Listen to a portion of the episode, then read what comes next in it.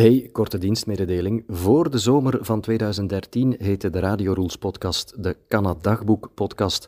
Vandaar dat de aflevering die je zo meteen zal horen onder die naam Canadagboek de wereld is ingestuurd. Veel plezier ermee. Canadagboek podcast nummer 4.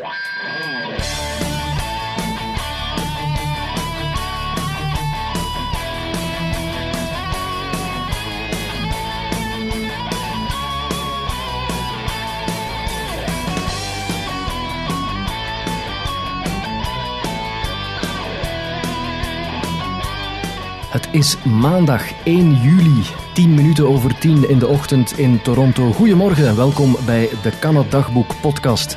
De podcast over mijn leven als immigrant hier in Canada. Meer informatie en alle links naar dingen die we in deze podcast aanhalen vind je op onze website canadagboek.blogspot.com canadagboek.blogspot.com. Een nieuwe aflevering van de Canadagboek podcast start nu.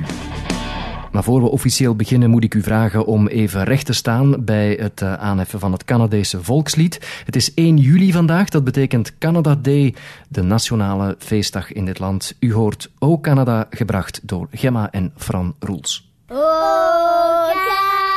Canada, terre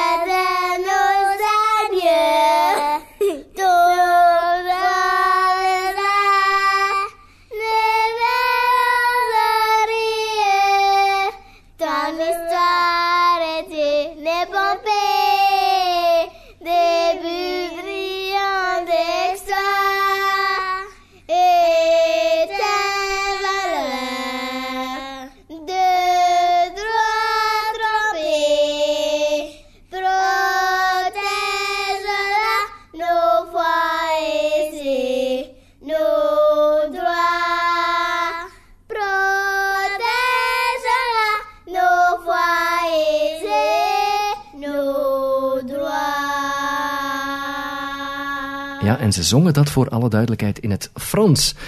Mijn dochters gaan naar het Franstalig onderwijs en ze kennen het Canadese volkslied dus in perfect Frans. Daar kwam geen spiekbriefje of geen souffleur aan te pas, dat was volledig uit het hoofd.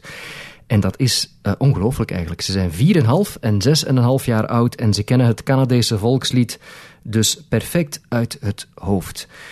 Het, is hier wat minder nationalistisch dan in de Verenigde Staten, maar toch, ze kennen er hier toch uh, ook wel wat van. Elke ochtend in de les op school, dus als de dag begint, dan wordt er recht gestaan.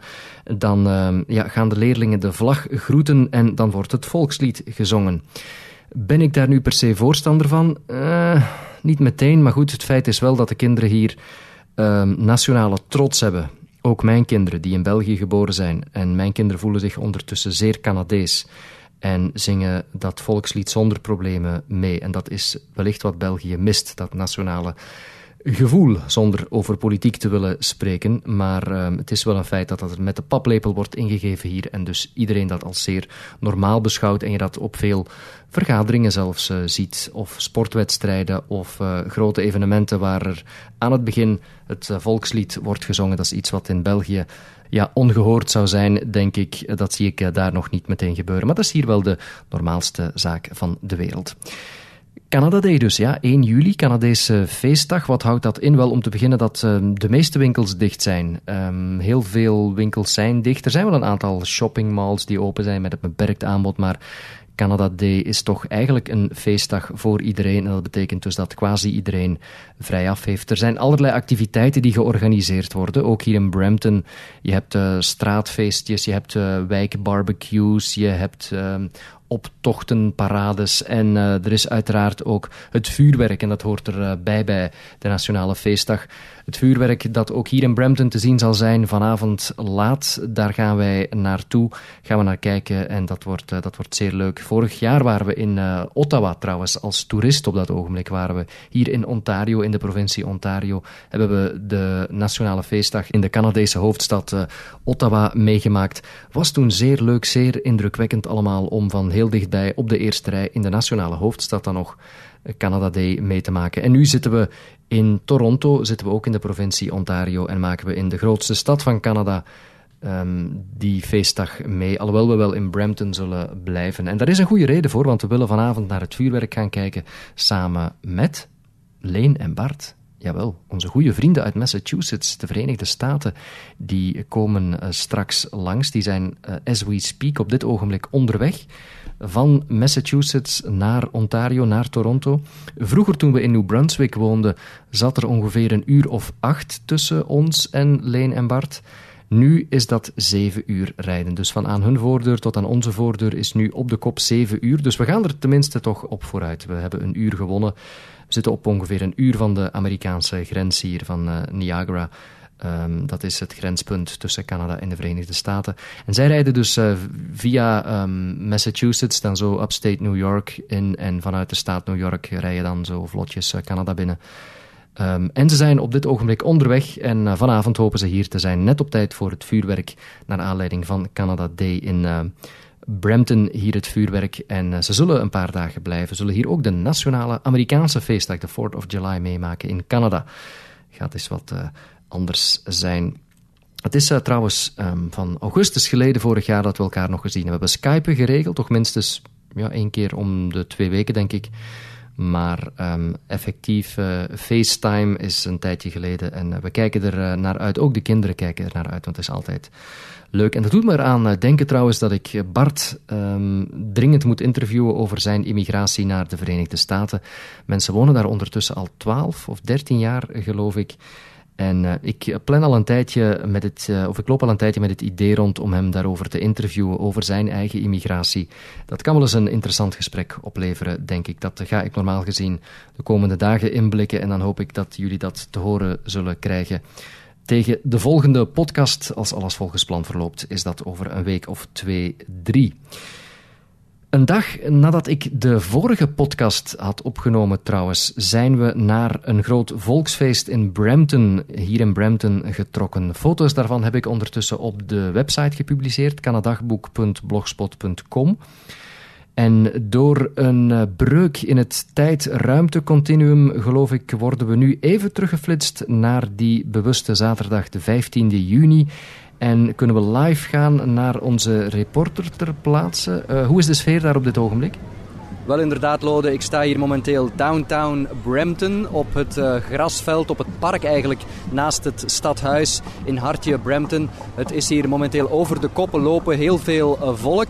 Uh, momenteel is het Junefest hier bezig. Dat is een soort stadsfeest dat de stad Brampton elk jaar organiseert in juni. De hoofdstraten, het centrum wordt eigenlijk volledig verkeersvrij gemaakt. Er worden eetstalletjes geïnstalleerd, er zijn optredens, er, is, allerlei, er zijn allerlei dingen, allerlei activiteiten voor de kinderen momenteel. Het buitenzwembad in dit grote park is ook net geopend. En uh, ja, het is een uh, drukte van je welste. Heel veel volk is komen opdagen. Met andere woorden, je ziet heel lange wachtrijen ook aan de eetstalletjes die volledig gratis zijn. Je kan hier ijsjes krijgen, hamburgers en hotdogs. En uh, meer van dat lekkers popcorn ook hebben we net gegeten. Uh, allemaal gratis te verkrijgen nu op het grote stadsfeest, zeg maar, in Brampton. En ik sprak net met een aantal uh, bezoekers hier die toevallig Vlaams spraken. En zij waren danig onder de indruk van de activiteiten hier. ik zie een springkasteel waar we hockey kunnen inspelen. En een springkasteel dan hebben we drie bollen. En, en, en, dan moeten we die drie bollen um, in de tunnel steken. Oh, en er was een heel groot kerk, dat lijkt op een kerk, maar en dat was een popje. En, en, en, en op het dak. En toen ging hij naar beneden en, en de clown die was bijna gevallen. Daar is een clown op dak. En wat, wat doet hij op dak? Um, die gaat terug naar beneden met, met een touw. Dus niks dan blije gezichten zoals je hoort. En uh, het feest gaat hier nog door tot een uur of vier, half vijf voor de kinderen, voor volwassenen. Gratis eten, gratis drinken, veel uh, dingen te zien, veel dingen te doen hier in Hartje Brampton. Terug over naar jou in de studio, Lode. Oké, dankjewel voor dat uh, schitterende verslag en je houdt ons uiteraard op de hoogte.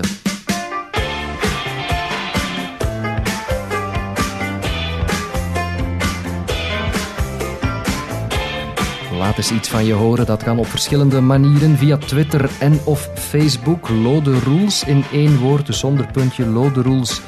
Dat is mijn username op zowel Twitter als Facebook. Of je kan natuurlijk ook gewoon een berichtje achterlaten op onze site kanadagboek.blogspot.com. En het valt mij op dat mensen steeds meer en steeds vaker uh, sociale media gebruiken om mij dingen te laten weten of om mij boodschappen of vragen te sturen. Dat was ook zo met een uh, foto uh, die ik een tijdje geleden publiceerde op Twitter. Ik heb namelijk de foto van een karton palm op Twitter gezet. Palm, het bier dus, daarover heb ik het. Zes flesjes palm, netjes in een kartonnetje dat ik hier bij de plaatselijke liquor store had gekocht. En daar kwamen toen een aantal leuke reacties op, onder meer van, ehm, ik kijk even naar mijn scherm, Jeff Gilles. stuurde via Twitter een vraagje: Heb je dan ook Belgische prijzen daar of toch veel te veel betaald? Vroeg chef Gilles. Wel, chef, um, wat heb ik betaald? Ik heb zes flesjes palm gekocht en ik heb daarvoor 13 dollar neergeteld. Dat is aan de huidige koers ongeveer een 10 euro. Is dat duur of niet voor zes flesjes palm? Ik ben al een tijdje weg uit België en ik heb daar eigenlijk niet zoveel palm gedronken. Dus ik weet het eigenlijk niet. Laat het mij weten. 10 euro voor zes flesjes palm, is dat duur of niet? Kijk uit naar jullie antwoord. Um, wat bieren betreft uh, kwamen er een aantal vragen binnen ook. Uh, heb je daar een aanbod? Wel, je hebt wel degelijk een aanbod Belgische bieren. Hier in Ontario is het iets beter gesteld dan in New Brunswick. Je hebt hier Stella, dat zie je redelijk veel. En het uh, grappige is dat Stella hier eigenlijk op de markt gezet wordt als een soort elite bier. Als je Stella drinkt, ja, dan drink je een, uh, een heel elitair en exquise bier. Terwijl, verbeter me als ik fout ben, maar terwijl Stella in België toch eerder een gewoon pintje is wat je overal en altijd wel kan drinken. Hier wordt het echt als elite bier gebrand en uh, je merkt het ook aan de prijzen. Voor een, uh, voor een Stella betaal je hier toch al gauw op café 6 à 7 euro voor één pint. Dan weet je het wel. Uh, Stella dus is te verkrijgen. Hoegaarden zie je ook wel eens opduiken op een terrasje of in een café. Hoegaarden um, vrij te verkrijgen, zowel de donkere als de blonde hoegaarden. Leffe. En um, daar heb ik alleen nog maar de blonde versie van gezien. Dus blonde leffe heb je ook. En dan palm natuurlijk. Dat hadden we bijvoorbeeld niet in New Brunswick, voor zover ik mij toch niet kan herinneren. Vandaar dus die zes flesjes die ik onlangs heb aangekocht. Dus palm krijg je ook hier wel in de liquor stores. Uh, een van de Belgische bieren die je kan kopen. Andere reactie via Twitter van Hans van Zweefeld. In één woord, Hans van Zweefeld op Twitter uh, schreef: Ik zie dat je in Brampton geland bent. Mocht je het nog niet weten, Katoen Nazi zit in Mississauga. Wie weet kan, je, um, kan het je eens van pas komen. Ja, dat hebben we inderdaad gezien. Als je de snelweg neemt hier, de 401 van Brampton, uh, weg uit de GTA, westelijke richting, dan kom je op het grondgebied van Mississauga. En pal naast die snelweg ligt inderdaad de gigantische uh, fabriek of uh, opslagplaats, hoe je het ook mag noemen, van uh, Katoen. Dat is me al een paar keer opgevallen. Misschien moet ik daar inderdaad eens gaan aankloppen bij uh, Katoen in Mississauga. Iets wat ook heel vaak binnenkomt op onze website en op de Twitter- en Facebook-pagina is de vraag: hoe zijn jullie nu eigenlijk in Canada geraakt? Wat is de stroom die jullie gebruikt hebben? Hoe zijn jullie binnengeraakt? Met welk visum? En hoe lang heeft dat geduurd? En, en hoe liep de procedure dan? Dus dat administratieve gedoe eigenlijk. Daar uh, komen heel veel vragen over terug. En een deel daarvan staat wel degelijk op onze site. Maar ik uh, plan toch om een van de volgende afleveringen daar is een heel uitgebreid hoofdstukje aan te wijden. Want die vraag blijft terugkomen. En ik zit um, ja, soms echt avondenlang e-mails te schrijven. Wat ik graag genoeg doe, daar draait het niet om. Maar ik denk dat het misschien handig is om alles eens op een rijtje te zetten. Een van de komende afleveringen. Dan weten jullie meteen op welke manier je Canada kan binnenraken. Mocht uh, dat uh, jullie zelf interesseren. Mocht jullie zelf die overstap willen maken.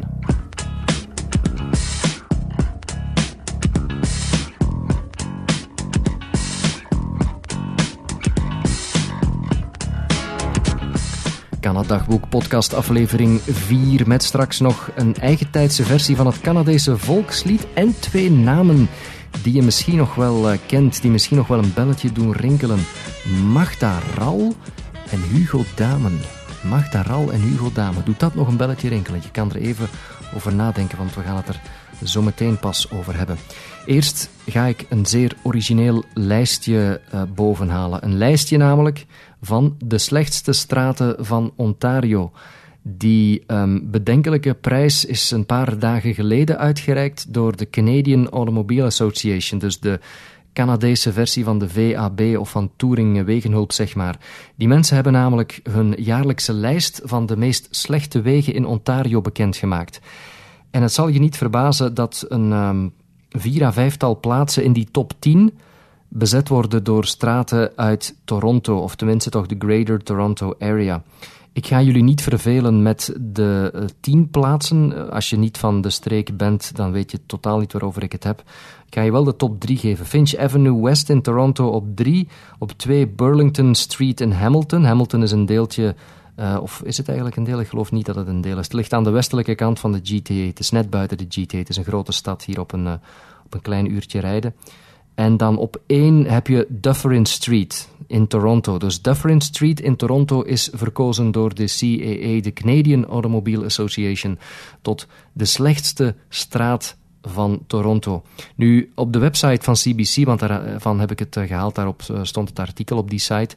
Als je naar de website gaat van de CBC en je klikt op dit bericht, dan krijg je dus foto's te zien van die straten. En toen ik Dufferin Street zag, dacht ik, als Vlaming, als Belg, hmm, dat is eigenlijk toch nog een deftige straat. Ik zie daar weinig dingen die mis zijn. Maar dat komt natuurlijk omdat je jarenlang in België hebt rondgereden en in Vlaanderen, waar ze ook wel wat kennen van slechte wegen. Enfin, beoordeel het zelf. Ik zet een link op onze website, op onze blog. Kan je zelf eens gaan kijken naar Dufferin Street in Toronto en zelf beslissen of uitmaken of uh, de situatie van die straat zo slecht is. Tenminste toch afgaande op het uitzicht, want het is misschien moeilijk om alleen op basis van een foto een straat te beoordelen.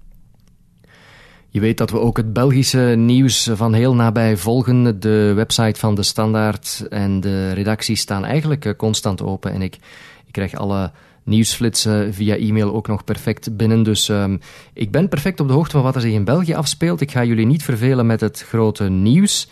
Dat uh, weten jullie uh, even goed als ik. Wat me wel is opgevallen, een van de artikelen, tenminste die me zijn opgevallen in het nieuws van de afgelopen weken, was dit hier. Een artikel met als titel Woestijnvis denkt eraan om de mol terug te halen.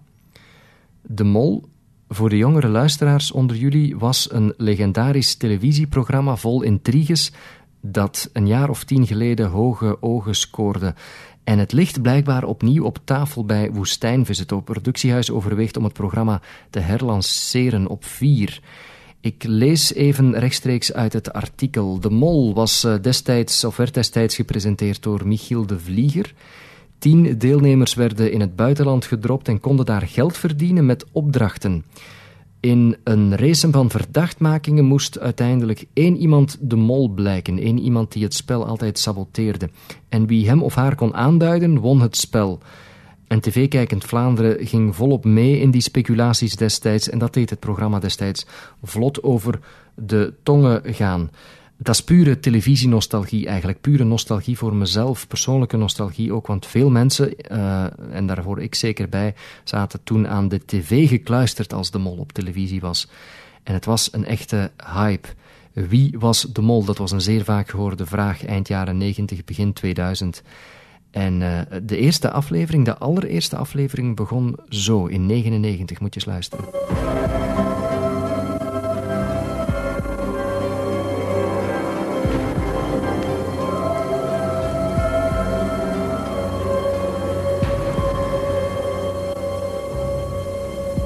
Deze tien mensen kennen elkaar nog niet. En ze zullen de komende 16 dagen tal van opdrachten samen moeten uitvoeren. Deze onbekende Vlamingen werden geselecteerd uit honderden reacties op een krantenadvertentie. Allemaal behalve één. De mol. Want die hebben wij gekozen. En dat is de saboteur in de groep. Degene die probeert opdrachten te laten mislukken. Maar niemand weet wie die mol is. Ik ga hier oh, Ja, kom Deze mensen kunnen elkaar dus niet vertrouwen. Met de opdrachten is er geld te verdienen. Veel geld. 2,5 miljoen frank als alle opdrachten slagen. En dat slechts voor één winnaar. Degene die erin slaagt om de identiteit van de mol te ontdekken. Op dit moment weten deze mensen totaal niet wat hen allemaal boven het hoofd hangt. Ze weten alleen dat ze in Frankrijk zijn. Ze kennen elkaar niet, ze kennen de opdrachten niet en ze kennen vooral de mol niet. Klein stukje uit De Mol van 99 en je beseft meteen hoe oud het is als je hoort wat er te winnen is. 2,5 miljoen frank. Dan weet je, ja, dit is oudere televisie. 2,5 miljoen frank is ongeveer 62.000 euro op dit ogenblik. Wie was de mol in 99? Wel, dat was Magda Ral. Vandaar de naam daar straks. Magda Ral was in 99 de mol. Het volgende seizoen was uh, Hugo Damen de mol. En Marianne Dupont won toen de mol. Zij was erin geslaagd om Hugo Dame aan te duiden. Marianne Dupont, ook een bekende naam. Um, in 2003, er zat dan drie jaar tussen blijkbaar, tussen uh, editie 2 en editie 3. Uh, 2003, Mark Simons was toen de mol en Stijn van Dalen was toen de winnaar. Uh, ging naar huis met het geld. En ik lees hier verder nog op Wikipedia, wat zouden we toch doen zonder Wikipedia? Ik lees ook dat 1,9 miljoen mensen naar de finale aflevering van de tweede reeks keken. De reeks waarin Hugo Dame ontmaskerd werd als de mol. Televisienostalgie, ik zeg het jullie. Het is tijd om af te ronden. Volgende keer gaan we dus dat interview met een Vlaamse immigrant in de Verenigde Staten in Massachusetts laten horen. En je krijgt dan ook een verslag van het vuurwerk naar aanleiding van Canada Day. En dat is iets wat later vanavond op ons programma staat hier in Brampton. Het vuurwerk naar aanleiding van de Nationale Feestdag. We sluiten deze Canada Day special van Canadagboek podcast af met een andere versie van O Canada. Nog een andere versie, het Canadese volkslied in eh, de versie van Daylight for Dead Eyes. Dit is O Canada. Tot volgende keer.